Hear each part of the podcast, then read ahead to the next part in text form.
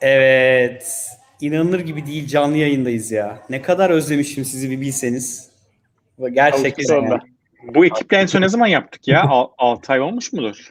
6 ayda Pandemide olmadı. birkaç defa Yo olmuştur abi. 6 aydan fazla olmuştur. Biz Bak, bunu bravo, bak. 6 ay önce yapmışızdır da 6 aydan fazla olmuştur. Ciddi misiniz ya? Fazla olmuştur. Abi ben her pandemi Pandemi dalgasının olalı başında bir yıldan, bir yıldan fazla olduk oraya. Üçüncü, üçüncü dalganın başında bence olduğumuza göre Bence hepiniz abartıyorsunuz. Öyle bir şey olmadı. Şimdi açar bakarım yani. Vallahi lütfen bak. Beni, beni kandırmayın lütfen. Beni kandırmayın lütfen. Evet arkadaşlar. e, böyle çok habersiz, kimseye haber vermeden bir yayına başladık. O yüzden izninizle ben arka tarafta birazcık sosyal medyada paylaşım yapıp sevdiğimiz dostları buraya çağırmak istiyorum. Önce şu Telegram'daki kanalımıza yazayım. Diyeyim ki ya inanmazsınız ama canlı yayındayız. Gelmek ister misiniz diyeyim. Utkucuğum sen de bugünün anlam ve önemiyle ilgili bir giriş yap istersen. Evet yapayım. Ee, konumuz odaklanma. Ee, Neye odaklanıyoruz? işte özellikle şu dönemde e, yani bu konu nereden çıktı aslında? Bizim kendi içimizde konuştuğumuz bir sohbetten çıktı. Yani Bitcoin bu kadar e, kripto kripto paralar bu kadar revaçtayken, bu kadar kazandırıyorken adam tam girişimci olacakken acaba e, vazgeçip bu işlere mi konsantre oluyor? Yoksa ikisini aynı anda yapmaya çalışıyor? Bakınız Ee, yıl 2017. Ben çok iyi hatırlıyorum. 2017 yılında Collective House'dayım. Her yer girişim ve tüm girişimcilerin ekranında Bitcoin'in fiyat şeyi vardı. Çartları vardı. Şu an Herkes durum abi. Göremiyoruz tabii. Herkes evde olduğu için o işi bence evden yapıyorlar. ee, dedik yani bu odaklanma problemi hepimizde var. Yani çoğumuz e, halen evlerden, evlerden çalışıyoruz. Ee, hem bir kendi yöntemlerimizi konuşalım. Hem bunun doğrusu ne? Daha iyisi nasıl olabilir? Onu tartışalım istedik e, bu bölümde. Ersin uzun zamandır ya ben yine ara geliyordum Yollar TV'nin yayınına. Sağ olsun Koray ve Arman davet ediyorlardı. Ersin'i uzun zamandır görmüyorduk. Ersin dedi ki tam da bu konu bizim şu günlerde tartıştığımız bir konuydu. Apple'da dedi. Ee, Aa. biz de Yok ona ya. biraz daha işini içinden çıkarıyorum. Tamam, tamam, ben- bu, bu son cümleyi ben bunu abarttım biraz. Ee, ama hani de- denk geldi hepimize. Dediğimiz gibi hepimiz Ersin- aynı sorunlar var. En Evden son ayrı Cook ile odaklanma konuşuyordu galiba. Yok canım. Kendi direktörümle konuştum ama. Dün birebir yaptık ve o konuda böyle benim büyük eksiklerim var odaklanma konusunda. Bu, bu çemberde böyle benim odaklanma konusunda en düşük e, puanı alacak adam, adam herhalde benim. Ya direktörüm Ya bana de dedi şey ya muhtemelen dedi sana dedi iki defa çok büyük iş verdik dedi. Orada dedi odağın bir düştü tamamen dağıldın. Onun dışında çok iyiydi ama ve o konuda odaklanmayla ilgili konuştuk işte. Ne yaparsak odaklanmalar e, daha netleşir gibi konuşmalar yaptık. Peki ne yaparsak netleşirmiş? Bir iki mesela şimdi bu işe odaklanma kısmından bahsediyorsun sen şu an. Çok önemli. Bir insana çok fazla işi bir anda verirsen odağa kaçıyor.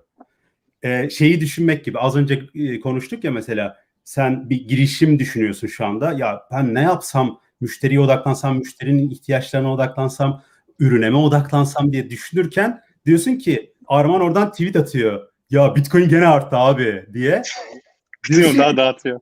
Şimdi şimdi ben acaba buna mı odaklansam yoksa işlere mi odaklansam? Yani tepsideki ve Utku'nun çok sevdiğim bir lafı var aslında. Konuyu oraya getireceğim. Ee, çok fazla parametremiz var. Parametreleri azaltınca aslında odaklanıyoruz. Hikaye o. Evet tam onu diyecektim aslında. Dikkatimiz dağıtan şey sayısı çok fazla. Yani hem e, başta telefonlar yani masanın üzerinde her an gündemimiz değişebiliyor. E, bir haber başlığında özellikle Türkiye çalışan arkadaşlarda genelde ben bunu duyuyorum. Bir haberle bir notif yani herhangi bir notifikasyon senin aslında dikkatini dağıtıp bambaşka bir e, pencere açıyor sana ve o pen- pencereye dalıp e, saatlerce oralarda gezinebiliyorsun. Ee, bunun dışında aslında hani bu günlük odaklanma problemimiz ama biz bu sohbeti yaparken Kore'nin söylediği bir şey vardı. Girişimcinin de aslında böyle bir problemi var. Yani bazen yola çıktığında o kadar çok e, fikrinle alakalı geri bildirim alıyorsun ki o senin e, hayal ettiğinden başka bir yere doğru götürebiliyor. Şimdi be- bence biraz onu konuşalım. Ya Ee, ben Bunu yani birebir yaşadık bu bu- arada. Bu hatta hatta hatta kalmak hatta yani bu çizgide kalmayı nasıl başarabiliriz? Çizgide kalmak doğru değil. Onu hep söylüyoruz zaten. Yolda mutlaka fikrimiz değişecek. Mutlaka ona bir şeyler katacağız ama temelde gideceğimiz e, noktada yani bu işte kuracağın şirketin vizyonu olabilir ya da o günkü misyonu olabilir. O günkü misyonu gerçekleştirmede bile ben problemler görüyorum. Yani yola e, X diye çıkıp Y product'ına evrilen daha çok yeni işte bu sabah bir sohbetini yaptık. Ee, evrilen bir- birçok iş konuştuk şimdiye kadar. Ee, siz ne düşünüyorsunuz bu konuda? Yani na- nasıl hatta kalabiliriz? Nasıl bir- bu çizgiyi koruyabiliriz? Ya Hangisi? Yani şöyle- bunun tek bir doğrusu yok her işte olduğu gibi. Ama hani biraz beyin jimnastiği yapalım. Hani bizi izleyenlerden de gö- görüşlerini alırız. Onlar nasıl sağlıyor bunu? Böyle akıtalım yayını. Aa, Ben bir örnek vereyim. Ben 2013-2012 yılında şey kurduğumda Time T diye bir e, takvim sosyal ağ bazlı e, takvim uygulaması, etkinlik uy- uygulaması e, oluşturmuştuk. E, bunun için bir şirket kurduk. E, başta işte şeyle çıktık yola. Hani bir MVP e, hayata e, geçirelim. Bir MVP ürünümüz çıksın. Sonra biz bu MVP pazarlamaya başlarız. E, MVP ile en hızlı bir şekilde e, pazara çıktıktan sonra da bir şekilde geliri e, gelire odaklanır ve geliri e, arttırmaya başlarız diye yola çıktık. E, MVP'yi hayata geçirene kadar her şey çok güzeldi. E, epey odaklandık. MVP'yi hayata geçirdik. Ürün çıktı. E, sonrasında amacımız şeydi hani reklam yaparak e, kullanıcıları içeriye al- almak sonra da monetize etmek e, şeklindeydi. E, bizim de yatırımcımız vardı. Yatırımcı da bir dijital ajansı vardı. Yani aslında reklamı o üstleniyordu. E, kullanıcılar gelmeye başladı. E, kullanıcıların da şeyini alıyorduk sürekli işte retention rate'lerini, e, raporlarını, ne kadar kalıyor sitede, ne kadar geri dönüyor, nereleri tıklıyor, nereleri tıklamıyor, neresi iyi, neresi kötü. Sonra geri bildirimler gelmeye başladı. Ve burada aslında iyi giden şeyi bozmaya başladık. Neden? Çünkü doğa, e, şeyimiz dağıldı. E, odağımız dağılmaya başladı. E, feedbackleri hani kritik feedbackleri sadece bakmak yerine biz bütün feedback, feedbacklere bakmaya başladık. Ve bütün feedbacklere baktığımızda şöyle oldu. Dur satmaya başlamadan önce şunu da düzeltelim. Satmaya başlamadan önce şunu da düzeltelim. Bu adama gitmeden önce şunu da değiştirelim. Ee, diyerek aslında sadece sadece kritik yani şurası çalışmıyor ve burası gerçekten hiç kullanışlı değil. Ee, noktalara odaklanıp pazara gitseydik bence ya satışa o- odaklansaydık daha e, uzun bir yol kat ediyor olurduk. En azından runway olarak da daha fazla para kazanıyor olurduk. E, ama onun yerine bütün feedbacklere bakıp da adam şöyle bir şey söyledi, evet bunu değiştirelim, şunu da değiştirelim deyip de ona odaklandığımızda biz aylarca e, development'tan çıkamadık. Aylarca geliştirmeye devam ettik. Ta ki e, kasamızdaki para bitene kadar. Kasamızdaki para bitmeye başlayınca şey olduk. Ya bir dakika bizim paramız bitiyor. Bizim odağımız burası olmaması lazım sanki. Deyip odağımızı değiştirmeye kalkıştık. Tekrar yatırımcımıza döndü. Dedik ki hani biraz daha nakite ihtiyacımız var. Ee, hani ürün iyi gidiyor ama hani buraya biraz daha nakit koyarsak runway'imizi uzatırız. Bundan sonra da satışa odaklanırız noktasına gelmiştik. O sırada e, Gezi Parkı olayı çıkmıştı. Gezi Parkı olayında bütün ajans, büyük firmalar e, ajanslara olan reklamlarını kestiler. E, ajansların gelir kalemi yani nakit akışı tamamen durdu. Tamamen durdu bu arada. E, onlar bana şöyle dediler. Ya Arman biz şu an kendimizi batırmamaya çalışıyoruz. Biz batmamaya çalışıyoruz. E, sana yardım edemeyeceğiz. Kusura bakma. Hani dayanmaya çalış dediler. E, Gezi Park olayı birkaç ay boyunca e, onları çok zor durumda bıraktığı için e, biz daha fazla nakitli bulamayıp e, ürünümüze veda ettik. Aslında bunu bu baş, şöyle özetleyebiliriz söylediğin Arman. Yani ben de yayına girmeden önce birkaç not almıştım. Aslında bu önceliklendirme. Yani önceliklendirmeyi doğru yapamadığın için aslında şeyden sapıyorsun. Hedeften sapıyorsun gibi bir şey oluyor. Bunun bir, bir kısmı da aslında iş bölümünden de kaynaklanıyor. Yani e, bu arada bugünlerde şey dikkatimi çekiyor. Bir product manager'ın ya da bir product owner'ın e, aslında en önemli şeyi m, görevi bu önceliklendirmeyi yapmak. Hem ürün tarafında hem de pazar anlamak açısından. Değil mi Koray? Kesinlikle. Ya bu odak deyince ve hani işin içine girişimcilik startup gelince hep şey aklıma geliyor. Abi bizim üç fikrimiz var. Bunu da yapıyoruz, bunu da yapıyoruz, bunu da yapıyoruz. Böyle benim direkt arkama bakmadan e, topukların götüne vurarak kaçtığım girişimci profili. E, bir yerde doğru olabilir, kabul ediyorum. Yani bir aşamada üç fikrim var olabilir. Ama o aşamada bir giriş yatırımcıyla konuşma. O aşamada bir traction bekleme. Bir işe odaklan, onu bir yere getir. Bu batch batch yapmak lazım. Okay, ben bu iki hafta sadece bu işi yapacağım. Sadece buna odaklanacağım. Bir sonucunu göreceğim. Bir şey deneyeceğim. Ne bileyim bir landing page yapacağım. Bunu biraz pazarlama bütçesi harcayacağım. İnsanlar geliyor mu bakacağım. Eğer orada bilmem ne kadar conversion yakalarsam tamam ben bu fikrin üzerine 4 hafta daha çalışacağım. Ama onu yapmak yerine girişimciler şeyi tercih ediyor. Abi üçünü birden yapıyoruz. İşte Utku ile Ersin bilmem neyle ilgileniyor. Arman'la ben de şununla ilgileniyoruz. O böyle suya böyle ne denir suya yazı yazmak gibi. Böyle boşa debelenmek. Yani bence bizim hikaye çok ona güzel bir örnek. Yani Foriba'nın hikayesi yani FIT zamanı SAP danışmanlığı yaptığımız zaman hatta Dotto'da yani hep beraber Dotto'da onu da yapıyoruz, onu da yapıyoruz, onu da yapıyoruz. Foriba'da onu da yapıyoruz, onu da yapıyoruz, onu da yapıyoruz. Ama ne zaman biz e-faturaya inandık ve ya bu bizim gerçeğimiz dedik. Ha, o gerçeğimize ulaşmamız belki 4 sene sürdü. 4 sene sonra gerçekten ürün oturdu, pazar oluştu. Onu 4 sene boyunca fonlayabilecek başka işlerimiz oldu yanda. Ondan sonra bir Foiba gibi hikaye çıkartmayı başarabildik ama odaklandık. İşte Ersin'le beraber, Arman'la beraber, yani Trendbox'ın geçmişinde de aynısı geçerli. Ya da e, Figo'daki hikaye yani bir işe odaklanıp o işi en iyi yapmak, o işi tüm kapsamıyla anlamak, tüm paydaşlarla konuşmak o zaman kendini bir yere taşıyabiliyorsun. Yani böyle haftanın iki günü buna bakayım, üç günü buna bakayım dediğin herhangi bir şeyden başarı çıkmıyor. Gerçekten o problem neyse, o odaklandığın konu neyse, rüyana giriyorsa o problem, o zaman oradan bence hani iyi bir şey çıkıyor. Yoksa her şeye bakıyorum, böyle generalist bir yaklaşım. Maalesef yani ben başarılı olanını görmedim. Abi onu da yaptık, onu da yaptık, onu da yaptık. Beş projemiz var. İşte bir tanesi çok iyi tuttuğu hikayesi benim karşıma gelmedi bugüne kadar.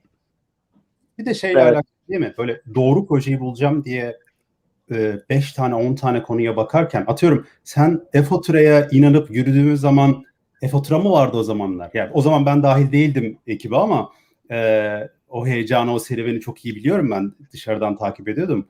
E, o zamanlar e-faturanın E'si daha konuşuluyordu. Daha regülasyon yoktu, bir şey yoktu. Ama inanmak önemliydi tabii.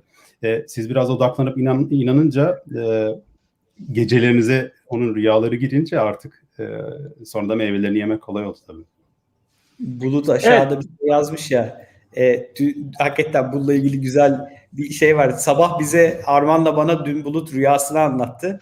E, yani çok komik ama işte yine odaklanmayla ilgili yani. Hani bir şeyle yatıp kalkınca gerçekten gece rüyana giriyor ve oradan sonuç elde ediyorsun. Yani yoksa böyle hani hobi olarak bir şey bakabilirsin. Okey kafanı boşaltmak için başka şeylere odaklanabilirsin.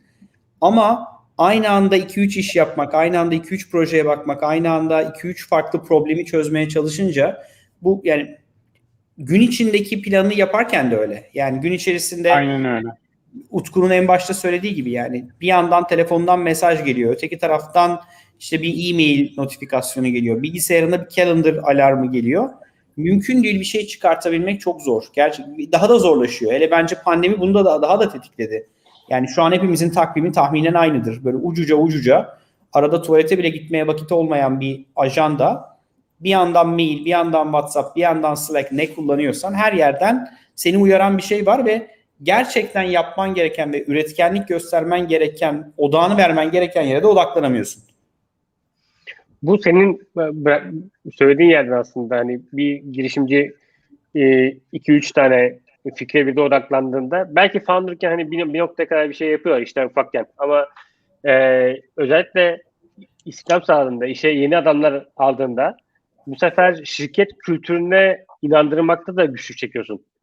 Ee, ya da Ersin'in çok, e, çok şeydeki... doğru söyledin. Yani o, oradan bir alayım istersen. Lütfen. Yani düşünsene ekibe bir developer katacaksın ve developer'a diyorsun ki şunu da yapıyoruz, şunu da yapıyoruz, şunu da yapıyorsunuz. Abi necisiniz siz sorusuyla karşılaşıyorsun yani karşı tarafta.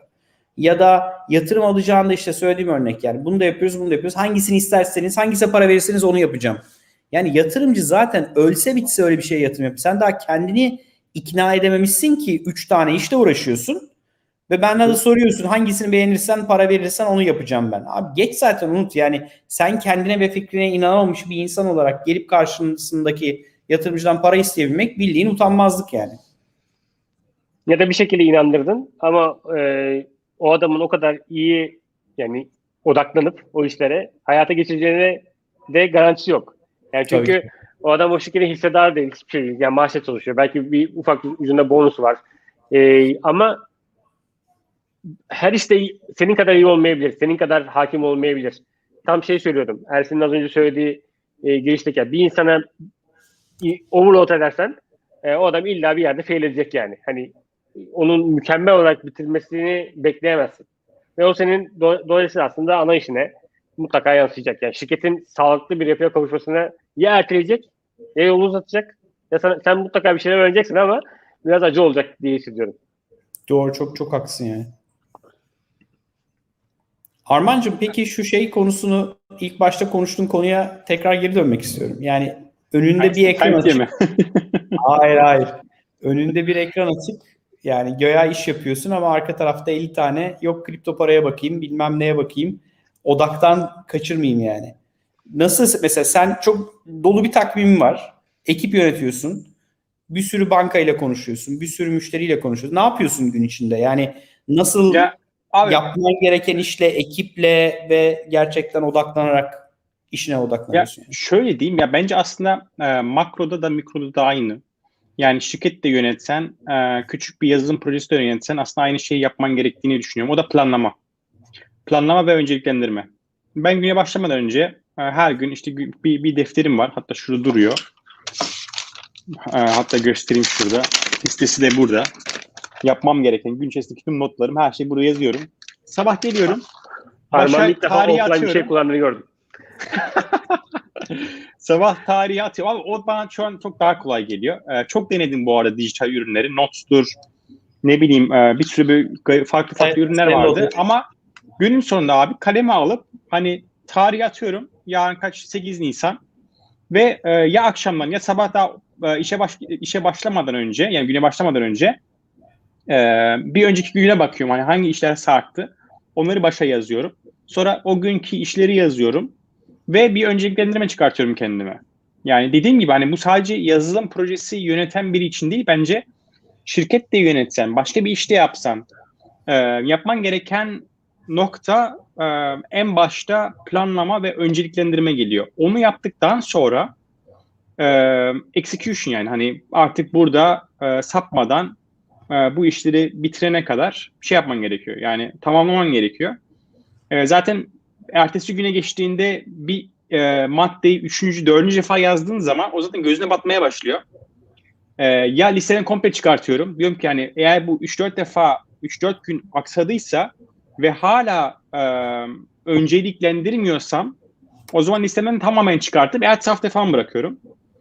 E, ama gözüme batmaya başlıyor, başlıyorsa ve evet bunu halletmem gerekiyor dediğimde artık onu önce alıyorum.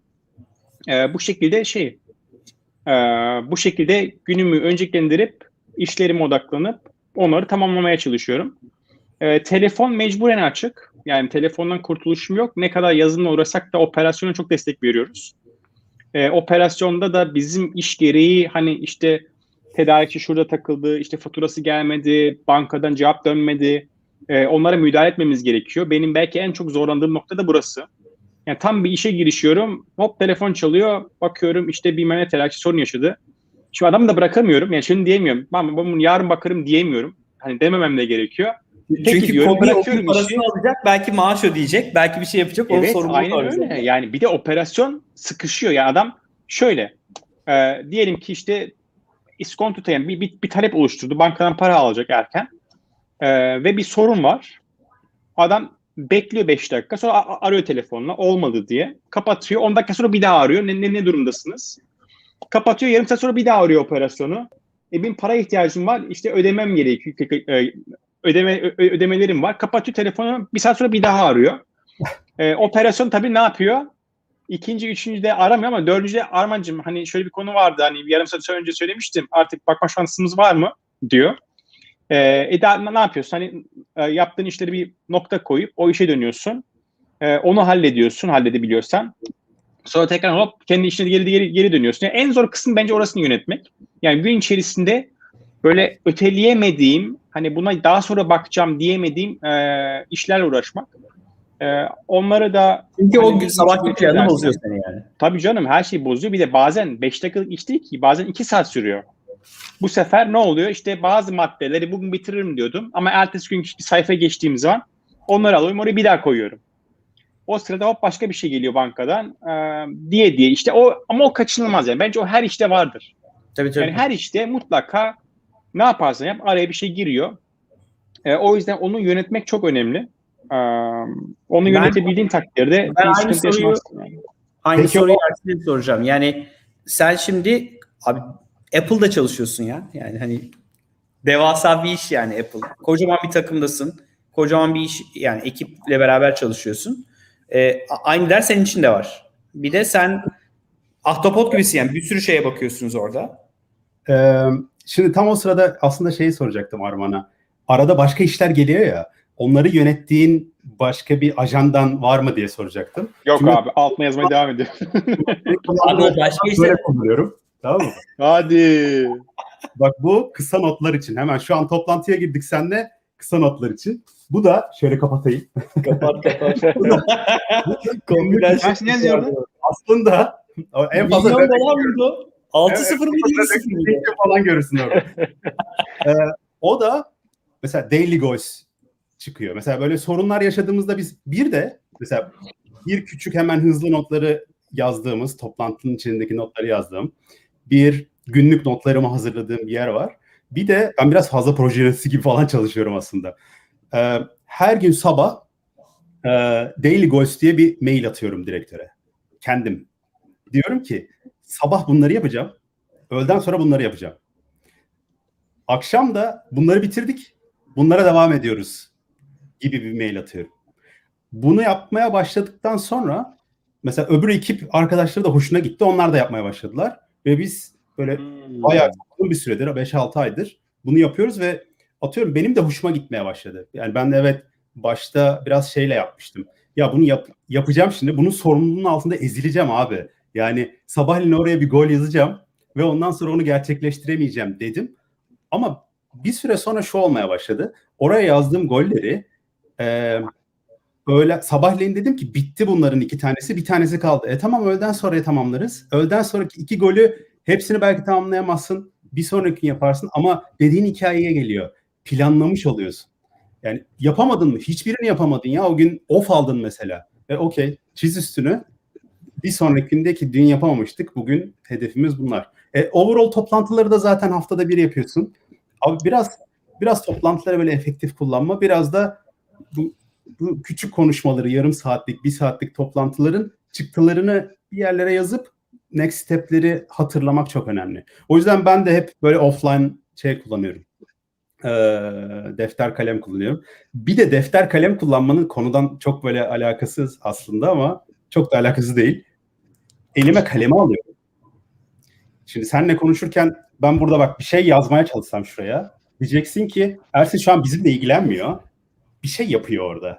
iPad'inden biriyle mesajlaşıyor diyeceksin. Ama ben bunu alıp buraya not yazdığım zaman herkes biliyor ki Ersin bu konuyla ilgili odaklandı ve bir şey yazıyor şu anda. Bence Kalem çok iyi taktik bu ya. bak kalem kağıt kullanmak bence biraz daha şey. Burada biraz daha yani Daha yüzde- sıcak ve samimi aslında. daha sıcak evet. Çünkü bunu bunu ben daha önce kaç defa yaşadım böyle seneler önce. Bir şeyleri yazarken şeyi hissettim. Hakikaten ya bu çocuk benimle ilgilenmiyor galiba dediklerini yüzlerinden okudum. O yüzden artık Evet, offline not tutuyoruz. Ben ve Ersin, e, Utku ve Kore siz de offline mı tutuyorsunuz notları? Ee, Yoksa dijitalde ben- mi? yani açık, açık söyleyeyim çok fazla not tutamıyorum.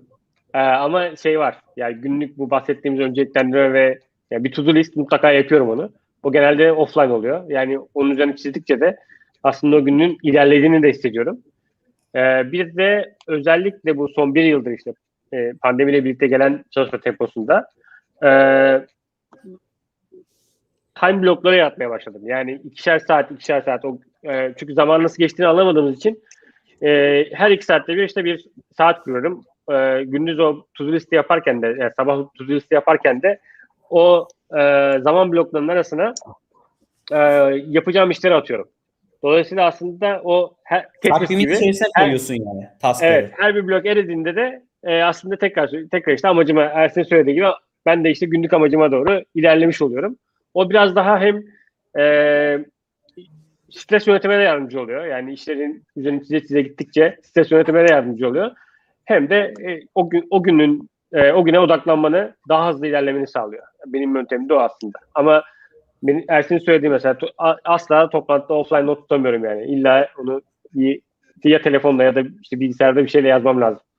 Yo ben yazıyorum ya. Ben artık şey komple bıraktım abi. Ya, Beni şaşırttın. bilgisayarda yazma alışkanlığı Beni de komple bıraktım. arada. Ben de beklemiyordum Arman'dan. Her şey direkt yazıyorum yani. Hani hiç direkt. Ya ben ben şöyle yapıyorum. Şimdi çok farklı tipte toplantılarım ve işlerim oluyor. Ee, bir Trello'm var. Ee, böyle yani öncelikli işim, sonra yapacaklarım, bir de tamamladıklarım kutu. Üç tane orada şeyim var, e, kutum var. Onları içine sürüklüyorum. E, eğer bir iş öncelikliğin içerisinde atıyorum 2-3 günden fazla kaldıysa onu hemen öncelikli olmayan kutunun içerisine bırakıyorum. Yani bunu bir araya anladım ki 3 günde bu işi yapmamışsam kesin o kadar öncelikli değildir'e geliyor. Yani ilk inanarak yazmışım bunu hemen çöz diye. Sonra onu ikinci kutunun içine atıyorum. Ee, rakam takip etmem gereken işlerde ya da sürekliliği olan toplantılar, atıyorum yönetim kurulu toplantıları ya da böyle bir weekly update yani bunu yapacağız dediği takım toplantıları.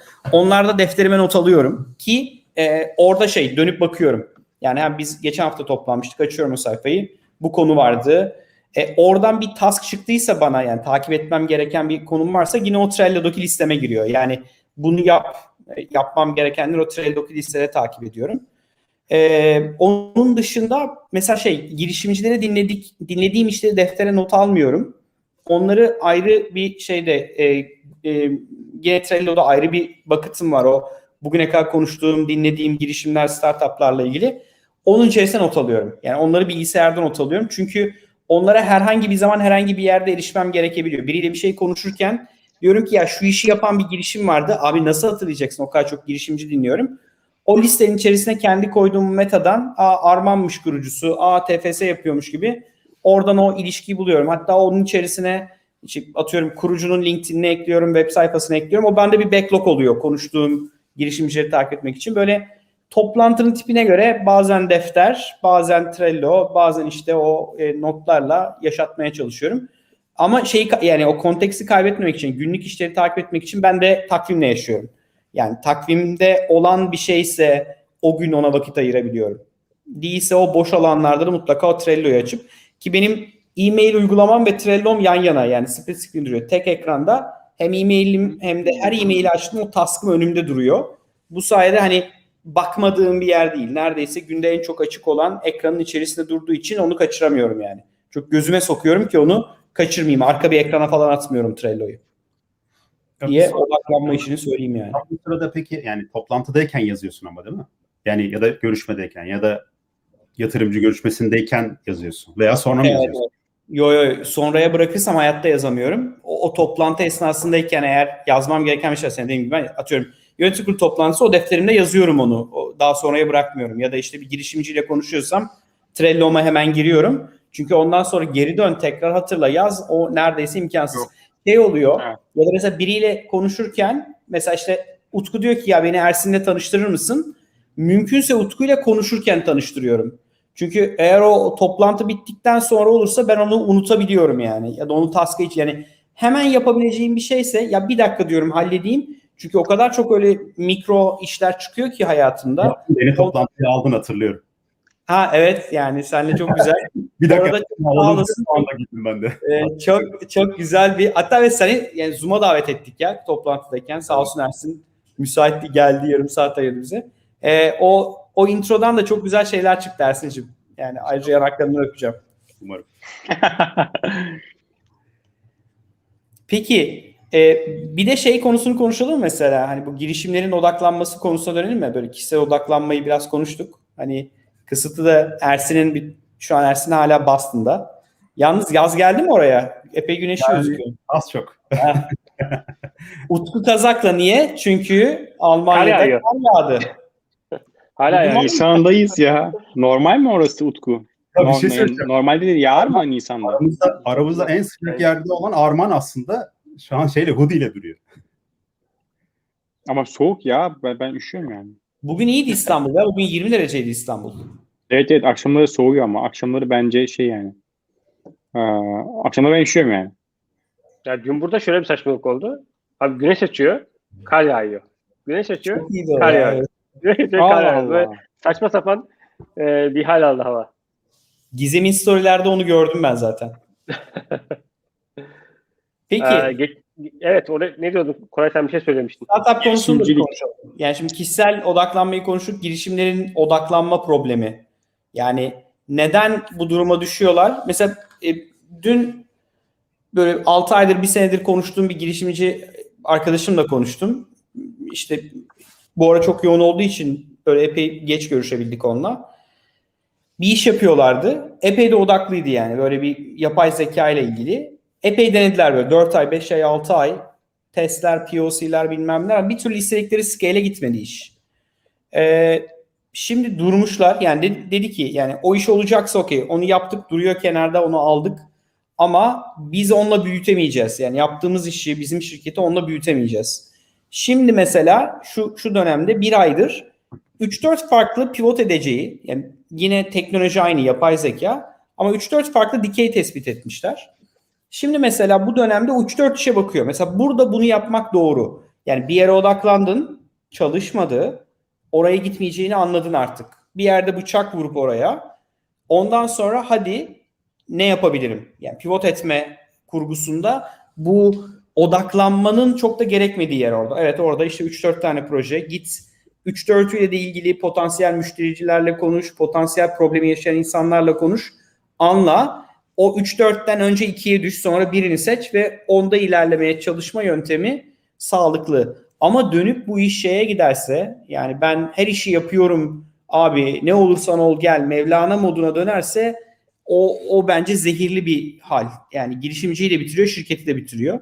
Bu arada hani bu konuyla ilgili, odaklanma konusuyla ilgili sorularınız varsa da e, yorumlara yazabilirsiniz. Onların üzerinden de konuşabiliriz. E, hatta vakit kalırsa belki e, linki paylaşabiliriz. Can, canlı yayına gelip sormak isteyen varsa e, öyle bir yöntemde izleyebiliriz. Bilmiyorum ne dersiniz arkadaşlar. Şimdi Ersin'in zaman kısımları var ama hani Utku Arman biraz daha survive edebilir diye düşünüyorum. 11 dakikam var. 11 dakika. Süper. ya şöyle benim şu anda aklıma gelen hemen senin söylediklerinden sonra benim bütün gün aslında Apple'da yaptığım iş aslında bir e, startup'ın yaptığı iş. Müşterilere ulaşmak. Yani o kadar basit.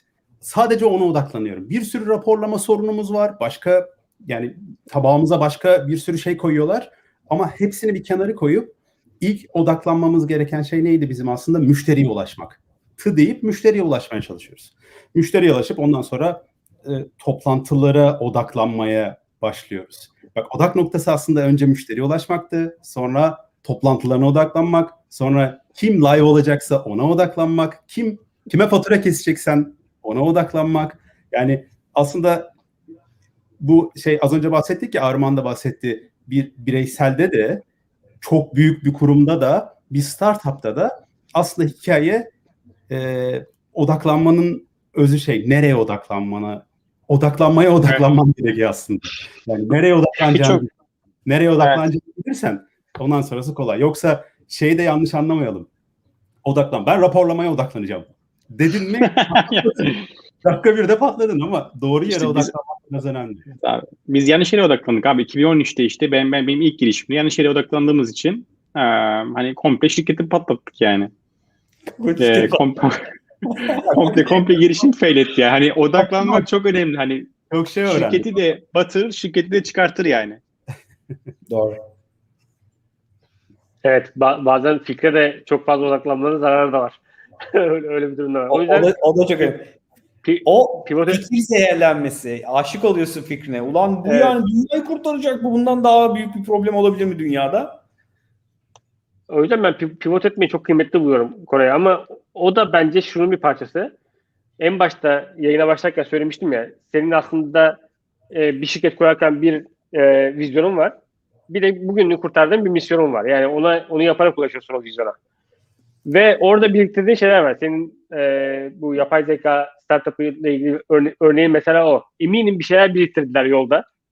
E, markette bir karşılığı olmayınca an- al- anlayınca o biriktirdikleri markete ne sunabiliriz'i düşünmeye başladılar. Yani bu sefer e, yeni yollar yaratmaya odaklandılar aslında diyebiliriz. Ya bu şey gibi oldu. Devamlı odaklanma diyoruz. Kötü Türk filmleri vardır ya filmin ismini devamlı söylerler. Ya da işte eski arabesk şarkıcıları filmleri vardır. Onlardan bahsederler. Gerçekten onun gibi oldu yani. Devamlı odaklanma diyoruz. Takıldık kaldık ama başka türlü anlatamıyoruz. Komik oldu yani. Söylerken şimdi ona, ona dikkat ettim. Ee, dolayısıyla şeyi ıskalamamak lazım. Bazen hayır işte ben bunu yapacağım deyip o biriktir, yolda biriktirdiklerini e, not etmek ya da işte B planlarını ufak ufak hazırlamak sonra yaklaştıkça. E, Arman çok, bence çok güzel anlattı e, Type-T'nin hikayesini. E, çok kıymetli hikaye. Bence sen bunu bir ara ne güzel eskiden blog yazıyordun. E, bir ara yazman ya da Bu- yollar zaman, ayrı- zaman yok, zaman ayrı yok. konuşmak lazım. Odaklanamıyorum Adam- oraya. Öncelik listesini alamıyor onu. Evet o, o da kıymetli yani Koray. Bak, çünkü şöyle saçmalıklar da oluyor. Ee, hiç bilmediğim bir şirket, bilmediğim bir markaya dönüşüp ben pivot ettim diyor ama ne core business'ının bir parçası o iş. Aslında o şu demek. Ee, eskiden işte şeyde mobilya çarşısında batan şeyler vardı. Ya da işte kapalı çarşıda batan kuyumcular. Devamlı tabela değişiyor yukarıda. ama içer- içerideki insanlar aynı. Yani. Yani şirketi batırıp batırıp aynı işe devam ediyorlar. Ee, o- o da değil aslında. Pivot etmek dediğimiz şey o değil. Yani. Biriktirdiklerini de paralelde yan yolları satıp e, o işin değerini tekrar arttırmak. Süper. Bunu Bu arada- bunu nasıl yapıl nasıl yapılır bilmiyorum ama galiba bir founder'ın temel en büyük özelliğinin hayır demeyi bilmesi gerektiği Çok önemli. düşünüyorum. Yani bu arada founder'ın değil bence şirkette çalışan herkesin hayır deme iyi öğrenmesi. Ve bence ekibi yöneten insanların da ekibindeki insanlara bunu empoze etmesi. Hayır deyin. Yani inanmadığınız bir şeyi sizden istiyorsam bana hayır deyin ve hayır diyebilecekleri bir ortam yaratmak lazım. Yani Evet, çok ekibindeki önemli. insanlara sen öyle bir e, özgür bir alan yaratmıyorsan abi Ersin istiyor ya. Ersin diyorsa Ersin şir- tanrıdır yani. Ersin'in söylediğin üzerine ben nasıl hayır diyebilirim baskısını kurduysan ekibin üzerinde mümkün değil öyle bir şey olmaz. Yani Evet. müşterine de hayır diyebilmelisin, yatırımcına da hayır diyebilmelisin, ortağına da hayır diyebilmelisin. İnanmıyorsan bence o ortak noktayı bulana kadar yani hayır diyen kimse o, o talebi getiren insana e, bunu kabul ettirene kadar bence mutlaka o şey yapma, karşılıklı konuşmanın sürmesi lazım. Çok kritik. Şöyle ben şirkette en çok sevdiğim özelliği şu şirketin.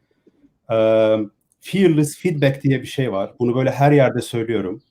Eee, diyorlar ki aklına gelen şeyi eğer içine e, inanmadıysan bir konuya bunu korkusuzca dile geçir, dile getir. Hemen herkesle git görüş, kendi ekibinle görüş, yöneticinle görüş. Ama şöyle bir mantık var. Yöneticilerin bu fearless feedback'e karşılık verebilme şeyi de var. Ee, yetisi de var. Yani bunu her kültürde karşılık veremez çünkü her yönetici ona.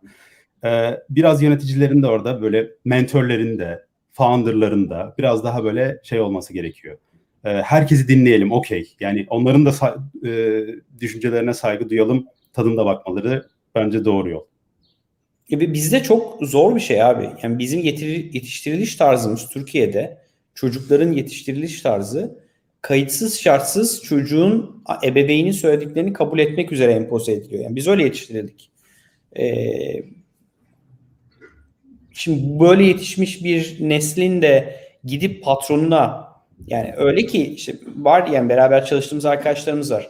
Yani izin alacakken bile yöneticisine sormadan önce anne babasına soruyor. Yani izin alacağım. Baba diyor ki kızım oğlum yani işine git boş ver. Niye şey yapacaksın? Yani öyle bir şey var yani işe tapmak e, hani büyüklere yöneticiye tapmak gibi bir noktaya getiriyor. Çok tehlikeli, çok zehirli bir davranış.